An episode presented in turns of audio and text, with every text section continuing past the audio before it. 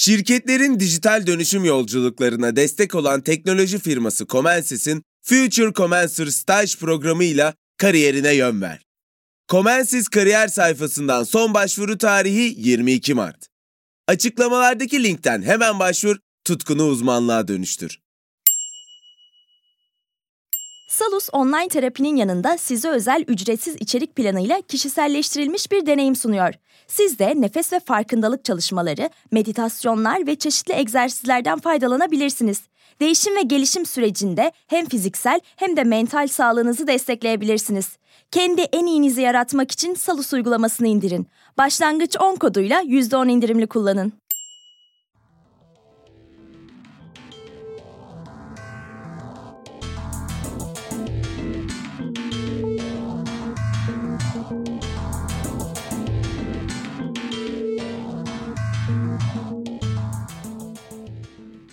Jinekolojik muayene, cinsel sağlık ve üreme sağlığının korunması için düzenli olarak yapılması gereken bir değerlendirmedir. Yapılan çalışmalarda her üç kadından birisinin düzenli jinekolojik muayene olduğu, diğerlerinin ise genelde bir şikayeti olduğunda muayeneye gittiği belirtilmektedir. Kadınların jinekolojik muayeneye karşı olumsuz tutum ve davranış geliştirmesine, düzenli jinekolojik muayene olmasını engelleyen psikososyal etmenler vardır. Bu etmenler kadının yetiştirilme tarzı, katı dini ve ahlaki inançlar, geleneksel kadın cinsel rolü, bekaret ve namus faktörü, cinsel eğitimsizlik ve bilgisizlik, cinsel taciz ve şiddet, mahremiyet ve utanma duygusu, anksiyete ve korku, sağlık profesyonellerinin tutum ve davranışları, hekimin cinsiyeti olabilir. Biz bugün tüm bu etmenlerle şekillenen sağlık profesyonellerinin tutum ve davranışlarından konuşacağız. Bölümümüzün başlığı jinekolojik şiddet, konuğumuz ise T24'ten Gözde Yel. Hoş geldin Gözde. Hoş buldum, merhaba. Gözde Inside Turkey'ye Türkiye'de kadınlar jinekolojik muayeneden kaçınıyor başlıklı bir haber yaptı. Aslında demin saydığım etmenleri düşündüğümüzde tahmin edebiliyorum ama yine de soracağım neden böyle bir haber yapmaya karar verdin? Ee, senin de bildiğin gibi bu konu sık sık özellikle sosyal medyada gündeme geliyor. Ben bu haberi yap başlı yapmaya karar verdiğim zaman e, sosyal medyada birkaç tane kadın jinekologlarıyla sorun yaşadığını ve ne gibi kötü davranışlara maruz kaldığını anlatıyordu ve e, kadınlar her anlattığında başka kadınlar da kendi deneyimlerini aktarıyorlardı. Ben de şunu yaşadım, ben de bunu yaşadım, şöyle psikolojik şiddete maruz kaldım, böyle etkilendim diye. Ve ben de hem onların yaşadıklarını diğer insanlara duyurmak için ve kendim de bu konudan, çevremdeki insanlar da bu konudan çok muzdarip olduğu için ve bunu bildiğim için böyle bir haber yapmaya karar verdim. Haberinde yer verdiğin ya da belki de haberinde yer vermediğin ama dinlediğin bu jinekolojik şiddet olaylarından isim verme zorunluluğu hissetmeden bahsedebilir misin? Belki ilk önce haberinde yer verdiklerinden konuşuruz. Haberimde yer verdiklerimden konuşayım. Zaten isimlerini de saklamadılar. Açık açık anlattılar her şeyi. Ceren Yıldız'la konuştum. Şu an 29 yaşında bir avukat. Ee, ilk jinekolojik muayenesine 19 yaşında olmuş. Ve Ceren'i ben Twitter'dan ulaştım. Az önce bahsettiğim gibi sosyal medyada jinekolojik muayeneleriyle ilgili tweetler paylaşan kadınlardan biriydi. E, röportaj yapabilir miyiz dedim. O da seve seve yapmayı kabul etti. Çünkü o da bu konunun duyulmasını ve insanların bu konuya karşı hassasiyetinin artmasını istiyor. Ceren e, ilk jinekolojik muayenesine 19 yaşında olmuş ve annesinin bir doktor arkadaşına olmuş. Ki 19 yaşında evli değil, bir cinsel birlikteliği var biriyle ve gittiğinde muayene olduğunda doktor ona şu üslupla karşılık veriyor. Rahmin pislik içinde, her yerin mikrop, rahmin ters dönmüş, şu an çok hastasın, bunu nasıl tedavi edeceğiz bilmiyorum gibi bir üslupla yaklaşıyor Ceren'e ve Ceren de 19 yaşında ilk defa e, muayene oluyor. Çok endişelenmiş, çok korkmuş ve bu deneyimini bana bir travma yaşattı şeklinde anlattı ve hala e, yavaş yavaş etkisini üzerinden atmaya başlamış ama hala etkisi sürüyormuş. Bana şey dedi uzun süre seks yaparken bir hastalık bulaşacak bana veya kötü bir şey yapıyormuşum gibi düşündüm dedi. Doktoru ona kızlık zarı olarak adlandırılan himenin aslında onu mikroplardan koruduğunu ve yaptığının çok kötü bir şey olduğunu falan söylemiş. Ceren tabii ki 19 yaşında daha farkındalığı gelişmemiş yeterince yani çocuk diyebileceğimiz yaşta değil de reşit olmuş tamam ama o da kendini kötü hissetmiş. Demek ki ben kötü bir şey yaptım doktorum da böyle bir şey diyorsa gibi ve bundan sonraki seks hayatı bunu şekillendirmiş. Ceren doktoru ona ilaç vermediği için biraz tereddüt etmiş ve eve gittiğinde annesi onu ağlayan gözlerle karşılamış. Çünkü doktoru annesinin arkadaşı olduğu için annesini aramış ve demiş ki senin kızın bakire değil ama cinsel ilişki yaşıyor biriyle çok hasta, pislik içinde vesaire gibi şeyler söylemiş. Annesiyle çok büyük sorunlar yaşamış Ceren ve annesiyle yaşadığı sorunlar neticesinde yaklaşık 2-3 ay doktora gidememiş. Ve aklında sürekli doktorun bana hasta olduğunu söyledi. Acaba şu an nasılım? Bana ilaç da vermedi. Neden ilaç vermedi? Gibi şüpheler, tereddütleri varmış. Daha sonra annesiyle biraz arasını düzelttikten ve yeni bir doktora gittikten sonra doktor da ilk deneyimini yaşatan doktor kadar anlayışsız biri olmadığı için, olması gerektiği şekilde davrandığı için ona ciddi bir sorun olmadığını anlatmış ve bu şekilde çözülmüş sorun. Ama tabii ki ilk deneyimi Ceren'e ne yazık ki hasarlar bırakmış hayatında neredeyse 10 seneyi bulmuş bunun hakkında konuşabilmesi. Başına bir sürü olay gelmiş. Yani düşündüğümüzde doktorun söylediği şeyler yok pislik içindesin vesaire yeterince bilgilendirmemesi, sonra annesini anlatması, doktor hasta gizliliğinin ihlali vesaire birden fazla boktanlık diyeceğim yaşatmış resmen Ceren'e. Yani kesinlikle zaten bir doktorun yapması, bir doktorun etik kuralları çerçevesinde uyması gereken en önemli şeylerden biri hasta doktor gizliliğidir. Ama bunu direkt e, göz ardı ederek annesini araması ve Ceren'in belki de annesiyle paylaşmayı tercih etmediği şeyleri kendi haddineymiş gibi annesine anlatması kesinlikle kabul edilen bir şey değil. Ve Ceren'in bundan başka yaşadığı, şikayetçi olduğu ilerleyen zamanlarda şeyler de var haberimde yer verdiğim. Mesela jinekolojik muayene öncesinde bunu ben diğer haberimde yer verdiğim diğer kadınla da veya çevremdekilerle de konuştuğumda bunun ortak bir problem olduğunu görüyorum. Evli misin sorusu. Yani jinekolojik muayeneyi ne şekilde yapacaklarını anlamak için cinsel hayatın var mı, cinsel olarak aktif misin gibi sorular yerine evli misin diye soruyorlar. Bunu ben de yaşadım. Çevremdeki arkadaşlarım da çok yaşadı. Ve röportaj yaptığım diğer kişi ilk muayenesinde e, ne diyeceğini bilemediği için hayır evli değilim demiş ve muayene olamamış muayene olması gerekirken. Bu kadar vahim aslında durum karşılaştım bu evli misin sorusu. Yani standart olmaktan uzak, çok saçma değer yargılarıyla şekillenen bir soru aslında medeni durum sorusu. Onun yerine işte cinsel olarak aktif misin? Partnerin var mı? Birden çok mu? İşte nasıl korunuyorsun? En son ne zaman ilişkiye girin? Korunmasız ilişkin oldu mu? Ne zaman oldu? gibi sorular sorulmalı. Yoksa yani hukuki bir anlam ifade eden bir şeyin orada tıbbi bu muayenede hiçbir anlamı yok. Bir de şey de yani evli misini geçtim erkek arkadaşın var mı da bence tüyler ürperten bir soru. Kesinlikle öyle. Bu da zaten hani erkek arkadaşın var mı da her ne kadar evli misin sorusu kadar korkunç olmasa da nispeten birazcık daha az korkunç ama o da yine seni bir kalıbın içine sokuyor. Yani sen erkek arkadaşınla cinsel ilişki yaşıyorsundur ve tek partnerin vardır kalıbıyla yönlendiriyor seni. Erkeklerle işte cinsellik yaşamıyor olabilirsin. yaşadığın kişi erkek olabilir ama erkek arkadaşın olmayabilir. Hiçbir bilimsel tarafı yok bunun. Peki e, birazcık şeyden konuşmak istiyorum. Yani doktor ve hasta arasında inkar edilemez bir hiyerarşi var. Orada kendini savunmasız hissettiğinden bahsetti mi dinlediğin kişiler?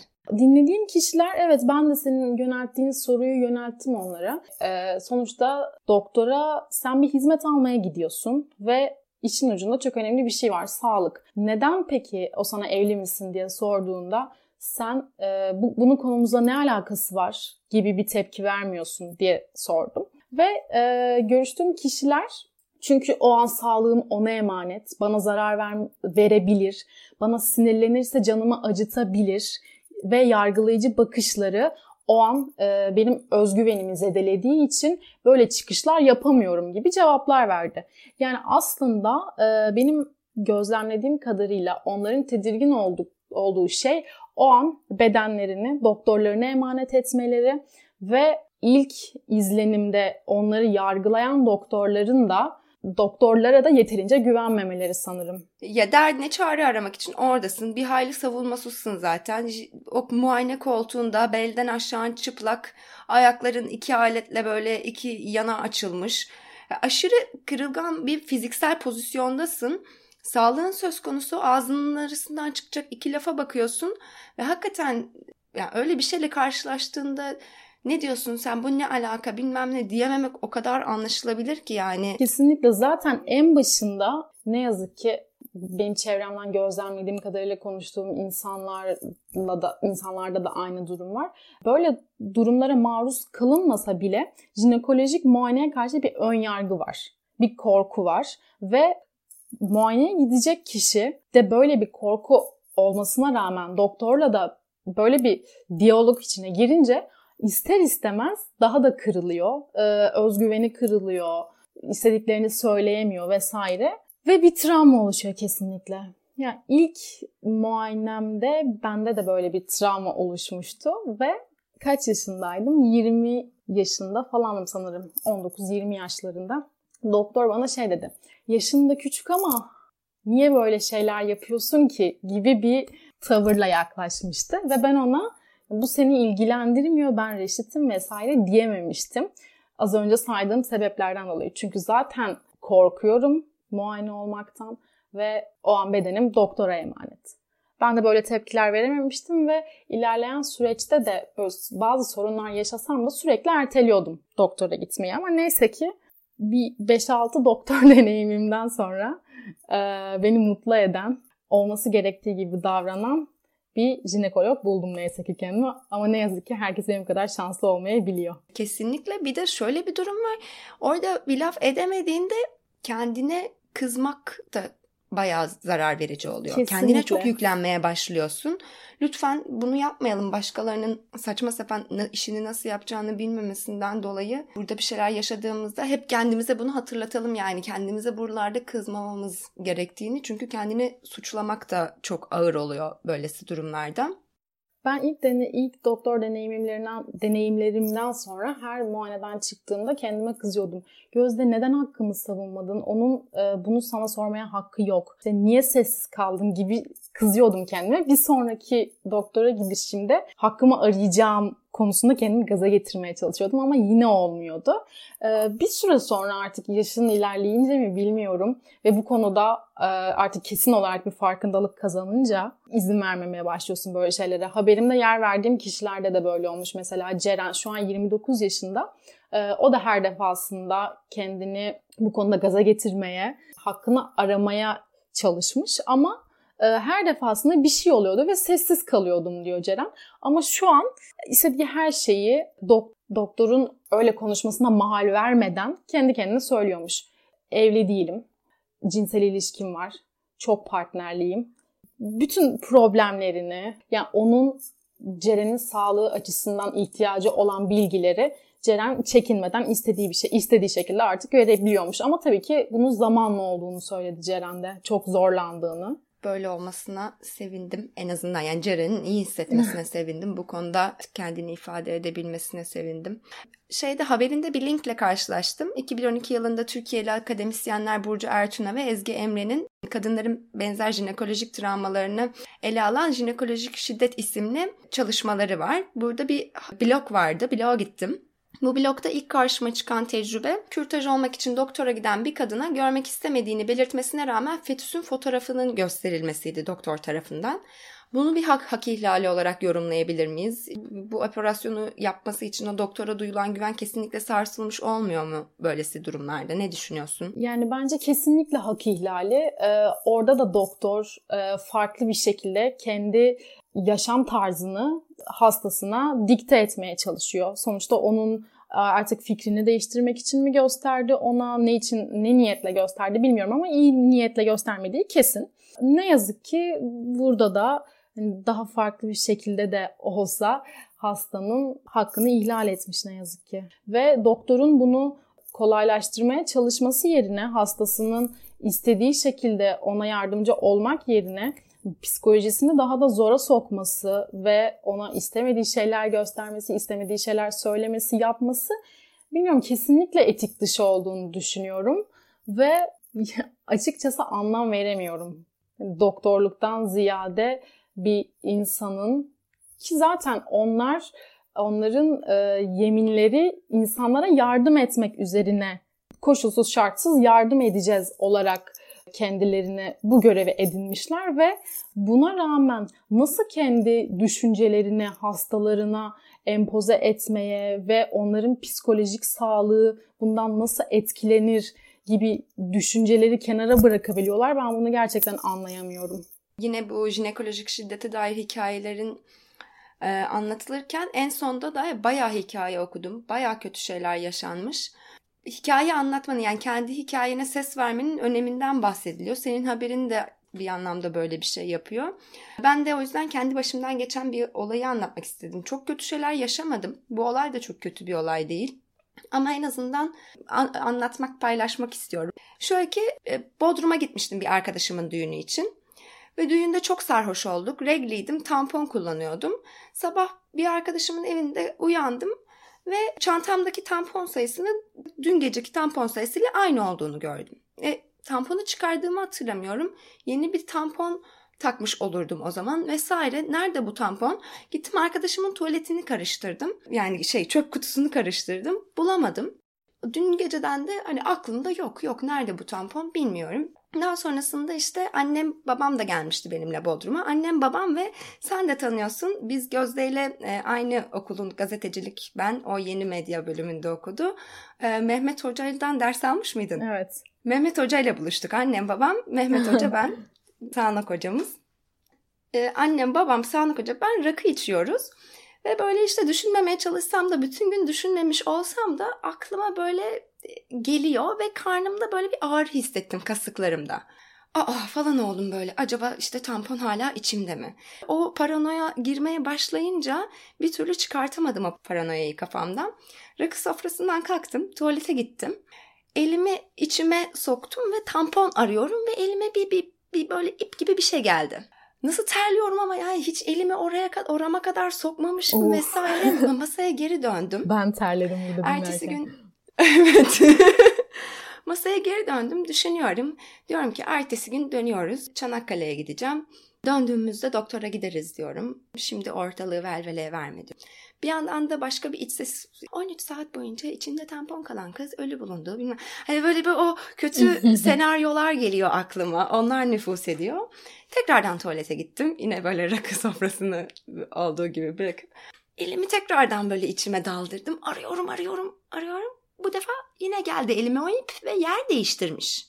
Ne yapacağım, ne yapacağım, ne yapacağım? Arkadaşımı aradım. Dedim ki beni hastaneye götür. Yemeğimiz bittikten sonra vedalaştık. Annemlere de dedim ki ben geleceğim merak etmeyin ama bana şu an hiçbir soru sormayın. Ee, arkadaşım beni aldı. Devlet hastanesine doğru giderken bir özel poliklinik gördüm ve dur dur dur dur burada dur. Ee, hiç utanmıyorum. İçimde tampon kaldı. Söylüyorum, konuşuyorum. İşte böyle sesimi kısmıyorum, fısıldamaya çalışmıyorum falan. Ee, şu anda doktor yokmuş. Özel olarak hani doktor getireceğiz şu anda nöbette olan bir doktor dedi. Tamam dedim.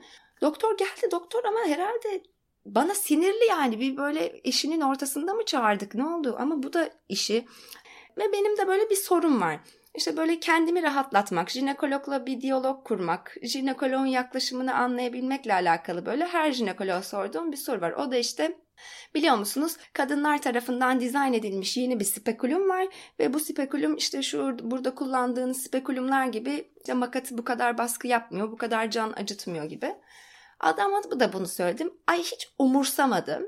Bütün olayı anlattım. İşte sarhoştum, şöyle oldu vesaire. Adamın tavrı böyle biliyor musunuz içiniz böyle sonu ucu bucağı olmayan bir dünya değil yani falan dedi Ne bana. kadar çirkin bir. Okey. Ondan sonra farkında mısınız? Spiraliniz var dedi. Ya elime gelen o ip spiralmiş. Yani biliyorum spiral taktığımı da kendimi hiç o kadar içine elimi sokmamıştım ki kendimin yani hani spiralimin ipinin olduğu aklımın ucundan geçmedi yani hani o anda. Ve elime gelen oymuş. Ondan sonra ben zaten böyle işte sarhoştum. İçimde tampon kaldı sanıyorum. Vakalarının onundan çoğunda işte bir şey çıkmaz. Güya böyle açıklama da yapıyor ama Çok o çirkin kadar bir tavrı üslup. kötü.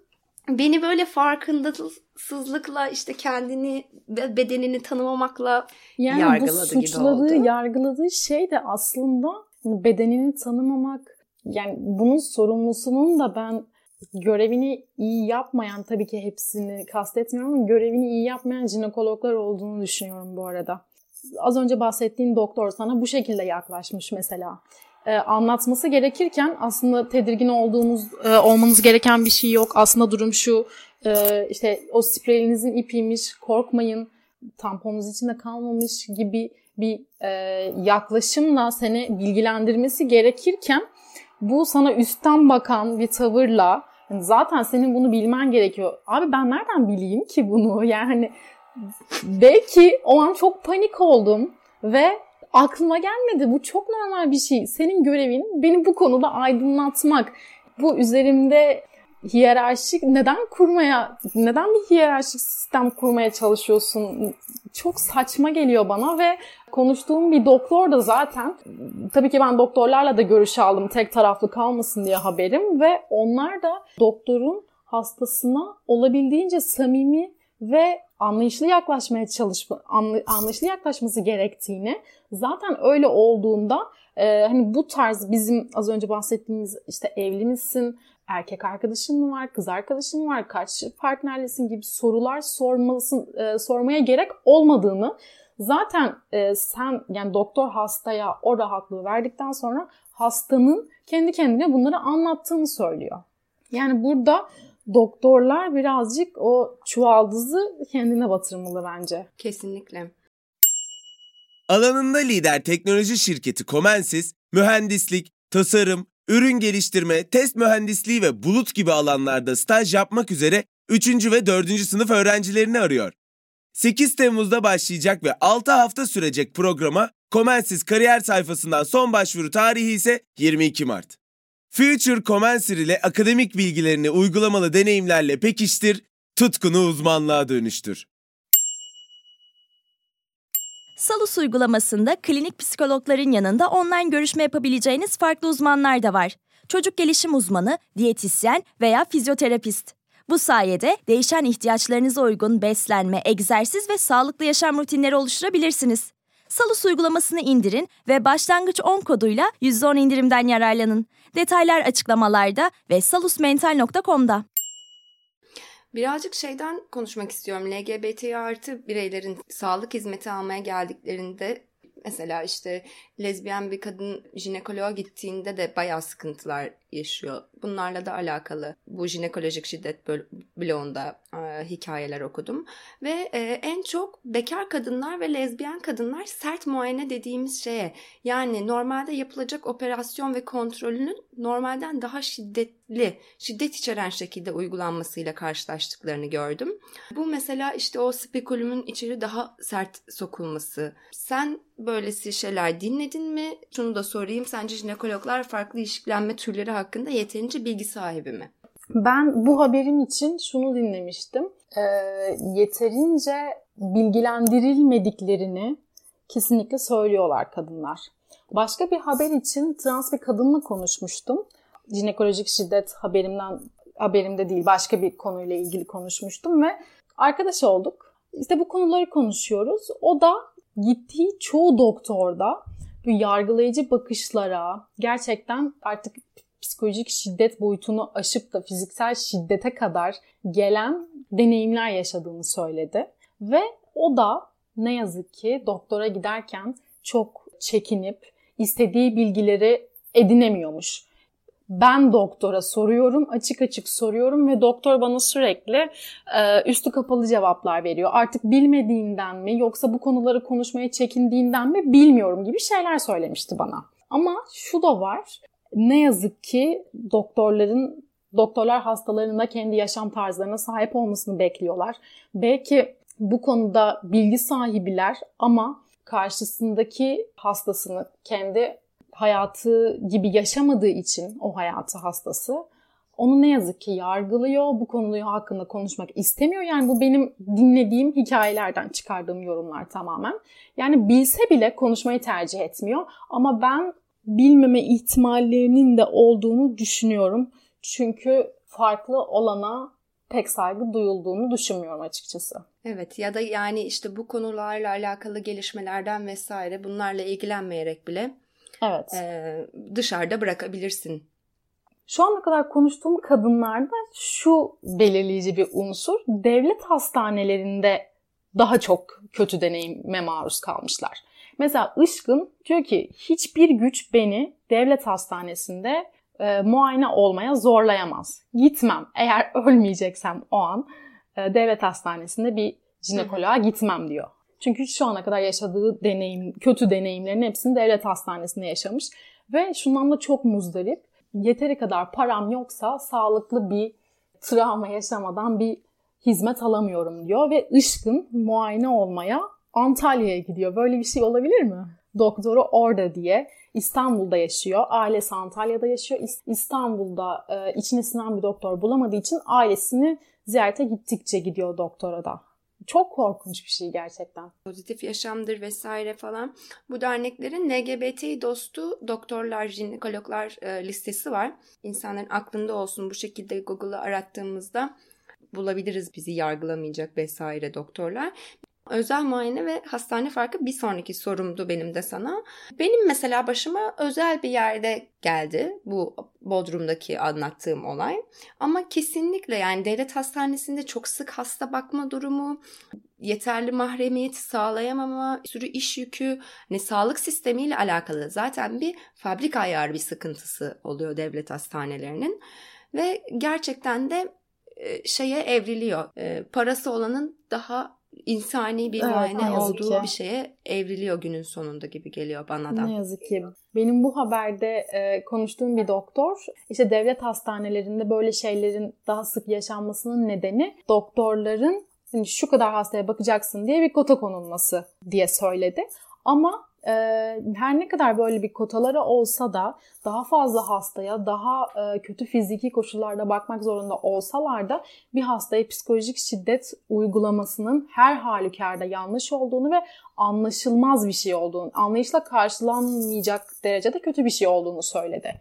Yani her ne kadar bize bu argümanlarla gelseler de çok fazla hastaya bakıyoruz vesaire gibi. Benim konuştuğum bir doktor da bunun geçerli bir sebep olmadığını söylüyor mesela. Ve yani tıp etiği başta olmak üzere hasta doktor ilişkisi ne kadar toplumsal cinsiyete duyarlı. Bence doktorlara kesinlikle toplumsal cinsiyet eğitimi verilmeli. İşte söylemlerine ne kadar dikkat etmeleri gerektiği, bu konuda ön yargılarından nasıl sıyrılabilecekleriyle alakalı muhakkak eğitimler verilmeli diye düşünüyorum Kesinlikle. ben. Kesinlikle. Ee, az önce bahsettiğim doktora ben sordum bu arada e, tıp eğitimi aldığınız sırada etikle alakalı, toplumsal cinsiyet eşitliğiyle alakalı, nasıl hastamızla nasıl konuşmamız gerektiğiyle alakalı bir eğitim aldınız mı dedim. Hiçbir eğitim almadık bu konuda. Tamamen e, işte kendi, kendi kendimizi şekillendirdiğimiz kadarıyla bu doktorun inisiyatifine kalmış dedi tamamen. Şu an durum ne bilmiyorum ama konuştuğum doktor yaklaşık 50 yaşlarında bir kadındı onun tıp eğitimi aldığı dönemlerde böyle bir durum söz konusu değilmiş. Bunu ilk ağızdan duymuş oldum.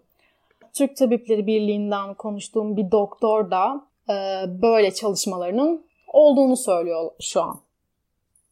Jinekolojik şiddete maruz kalan kişiler ne yapabilir? Sen görüştüğün doktorlarla özellikle Türk Tabipler Birliği'nden olan doktorla bunu konuştun mu? Ee, ben iki doktorla görüştüm bu konuda ve Türk Tabipleri Birliği'nden olan doktor e, Selma Güngör doktorun kesinlikle böyle bir hakkı olmadığını ve böyle bir psikolojik şiddete ya da fiziksel şiddete maruz kaldığında bir kadının bağlı bulunduğu ilin tabip odasına gitmesi gerektiğini ve bu konuda o doktora bir uyarı, bir yaptırım yapılacağını söyledi kesinlikle. Aynı şekilde görüştüğüm diğer doktor da o Türk Tabipleri Birliği'nden değil, kendi muayenehanesi olan bir jinekolog. O da bu konuda kadınların kesinlikle sessiz kalmaması gerektiğini, sesini bir şekilde duyurmaya çalışması gerektiğini söylüyor. Ya sessiz kalınmaması gerektiğini düşünüyorum ben de. Mesela ben böyle bir haber yapmaya sosyal medyada denk geldiğim tweetler sayesinde karar verdim. Eğer o kadınlar yaşadıklarını paylaşmasalardı diğer kadınlar da paylaşmayacaklardı. Az önce bahsettiğimiz sitede jinekolojik şiddet hikayelerinin yer aldığı sitede eğer kadınlar o hikayeleri paylaşmasaydı bu bu kadar duyulmayacaktı mesela ki sosyal medya var şu anda. Çok fazla binlerce kişiye ulaşabiliyoruz ve konuştuğum kadınlar diğer kadınların da böyle şeyler yaşayıp bunları paylaşmasının kendilerine güç verdiğini söylüyor. Yani birbirimizden güç alıyoruz demişti mesela Işkın bu konuda. Ben bu konuda rahat konuşabiliyorsam Kesinlikle. diğer kadınların desteği sayesinde. Çünkü biliyorum ki onlar bana destek olacak. Onlar da benzer şeyler yaşıyor ve beni yalnız bırakmayacak. Ben bunu biliyorum diyordu. O yüzden her kadının yapabiliyorlarsa o an doktora ses çıkarmaları gerektiğini düşünüyorum. Türk Tabipleri Birliği'nden Selma Güngör'ün dediği gibi de o doktorun bağlı bulunduğu ilin tabip odasına şikayet etmesi gerektiğini düşünüyorum. Ki zaten bunun Selma Güngör bunun etik olmadığını ve doktora yaptırım uygulanacağını söyledi. Umarım. Yani hikayeleri paylaşmak önemli. O yüzden mentalculture.gmail.com'a hikayelerinizi, jinekolojik şiddete dair hikayelerinizi yollayabilirsiniz. Ya da yorum yazabilirsiniz ya da e, bir şekilde ulaşabilirsiniz. Belki bu hikayelere dair sonra bir bölüm yaparız. Birbirimizden güç alabileceğimiz bir bir şey oluşturabiliriz diye düşünüyorum. Evet, o yüzden kesinlikle. bekliyorum böyle hikayeleri. Bir de şöyle bir durumdan bahsetmek istiyorum Gözde. Doktorların da bazı çekinceleri var. Kendi başıma gelen bir olaydan bahsedeceğim yine. Yani hastaların tavırlarından da çekiniyorlar. İşte bundan 5-6 sene önce falan annemle jinekoloğa gitmiştim. İşte hani böyle hazır annemi yakalamışım masraflar ondan falan diye düşünerek böyle cinsel yolla bulaşan enfeksiyonlara dair testlerimi yaptırmak istedim. En sık karşılaşılan 5 hastalığı genelde yaptırıyorum. İşte annemle beraber doktorun ofisine girdik. Ben söyledim test yaptırmak istediğimi. Doktor çok şaşırdı işte. Bir anneme bir bana bakıyor. Şüpheniz mi var falan dedi. Dedi ben şüphem olduğundan değil düzenli olarak yaptırıyorum. O yüzden şimdi de vakti geldi annemi de yakaladım yaptırayım dedim. Doktor işte ay çok iyi yapıyorsunuz. İşte biz hastalara bunu teklif ettiğimizde alınıyorlar. Yanlış anlıyorlar bu durumu hı hı. dedi yani. Hani sen ne demek bana hastalıklı mı demek istiyorsun gibi bir tepkiyle karşılaşıyormuş doktor ve bu nedenle de bir yerden sonra teklif etmeyi bırakmış. Ancak hasta talep ettiğinde Doktor da hastayı bilgilendirmekten vazgeçtiği tepkilerle karşılaşabiliyor. İşin bu boyutu da var. Sosyal medyada da denk gelmiştim ben. Bu haberi yapmaya karar verdiğim aşamada işte kadınların yorumlarını okurken bir tane de doktor doktorun bir yorumuyla karşılaştım. Ona ulaşamadım. Yoksa onun da ondan da görüş almak istemiştim bu konuda. Doğuda görev yaptığı sırada hastasına işte evli misin? Gibi bir soru sormanın doğru olduğunu düşünmediği için cinsel olarak aktif misin diye soruyor ilk önce. Ve kadın da sen bana ne demeye çalışıyorsun? Ne demek sen bana evli olmadan ilişkiye mi giriyor demek istiyorsun gibi bir tavırla karşılaşmış ve doktor şey demişti. Dışarıda onun abisi, babası bekliyor ve benim o an dayak yeme ihtimalim çok yüksek. Dolayısıyla ben de bir süre sonra bunu evet. sormayı bıraktım ve evli misin diye sormaya başladım. Çünkü hasta bunu istiyor gibi bir e, paylaşım yapmıştı. Ben de bunu görüştüğüm doktora sordum. İşin bu boyutu da var ne düşünüyorsunuz bu konuda diye. O da eğer hastasına gereken rahatlığı verirse zaten bu soruyu sormanın cinsel olarak aktif misiniz veya evli misiniz? İkisinin de sorma ikisinin de sormaya gerek olmayacağını söyledi. Yani sonuçta işte böbreğini aktif olarak kullanıyor musun falan dediğinde sen benim böbreğime ne demek istiyorsun işte ben şunu mu yiyorum bunu mu içiyorum falan diye sormuyoruz. Birazcık orada doktor hasta hiyerarşisinin iyiye kullanılabileceği durumlarda var tabii. Peki muayene olmak istemeyen kadınlara ne diyebiliriz? Yani benim aklıma gelen bir şey var. Arkadaşlarımızdan referansla kimi yani hassasiyetlerimizi belirtip bu şekilde referansla jinekoloğumuzu seçebiliriz diye düşünüyorum. Senin aklına başka ne geliyor? Kesinlikle. Mesela bu röportaj yaptığım kadınlardan biri ben haberi yaptıktan birkaç hafta sonra bir arkadaşı için bana doktor tavsiyesi sordu. ve görüştüğüm başka biriyle de işte artık doktorunu seçerken neye dikkat ediyorsun gibi bir şey sormuştum. komik bir cevap aldım. Aslında komik değil mantıklı ama trajikomik diyeyim. Hastanenin sitesine bakıyormuş ve tipine göre seçiyormuş doktoru. Bu sekülerdir, bu beni yadırgamaz, işte bu beni yargılamaz, işte hayat görüşünü bana dikte etmeye çalışmaz gibi yorumlamalarla seçmeye çalışıyormuş. Ama ben de şu an sanırım en mantıklısını yani ben öyle yapardım. Arkadaş tavsiyesi üzerine gitmenin mantıklı olduğunu düşünüyorum. Yani eğer evet. tek ilk doktor ilk muayene deneyimleri ise yanlarına kendilerini rahat hissedecekleri bir arkadaşlarını alabilirler ve referans referans kafası iyi abi. yani daha önce deneyimlemiş biri. Evet. Sürpriz yok. Seni sana travma yaşatmayacak. Aynen. Kesinlikle mantıklı. Tipine bakmayı ben hiç mantıklı bulmadım. Hemen biraz evet. komik ve trajikomik buldum açıkçası onu evet. Trajikomik. Bu derneklerde yer alan LGBT artı dostu ve jinekologlara da bakabiliriz diye düşünüyorum. Jinekolojik muayenenin e, ah, ahlak muayenesine döndüğü, jinekoloğun ahlak polisi kesildiği durumlardan ve jinekolojik şiddetten konuştuk bugün Gözde ile. Çok teşekkürler Gözde. Senin söylemek ya da sormak istediğin bir şey var mı? Ben çok teşekkür ederim. Ee, zaten bu haberi yapmadaki amacım e, insanların bu konuda birazcık daha duyarlılığını artırmaktı ve senin de bu konuya dikkat çekip bunun üzerine bir yayın yapmak istemem çok hoş. Çok teşekkür ederim ben de bunun için sana. Ben de tekrardan teşekkür ederim. Ben bir de şey demek istiyorum. Kadın düşmanları jinekolog olmasın demek istiyorum. Kapatmadan önce. Çok çok teşekkürler Gözde. Herkese teşekkürler. Bir sonraki bölümde görüşmek üzere.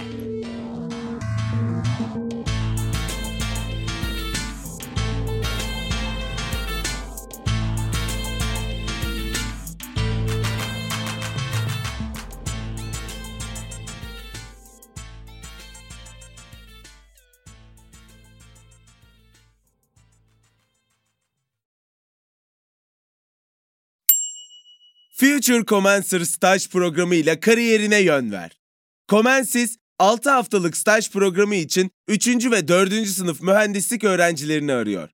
Comensis kariyer sayfasından son başvuru tarihi 22 Mart. Açıklamalardaki linkten hemen başvur, tutkunu uzmanlığa dönüştür. Salus yetkin psikologları ile terapiyi her yerden ulaşılabilir kılmaya devam ediyor. Yaşam tarzı değişiklikleri, adaptasyon sorunları, yalnızlıkla başa çıkma gibi konularda online terapi desteği için Salus uygulamasını indirin. Başlangıç 10 koduyla %10 indirimli kullanın.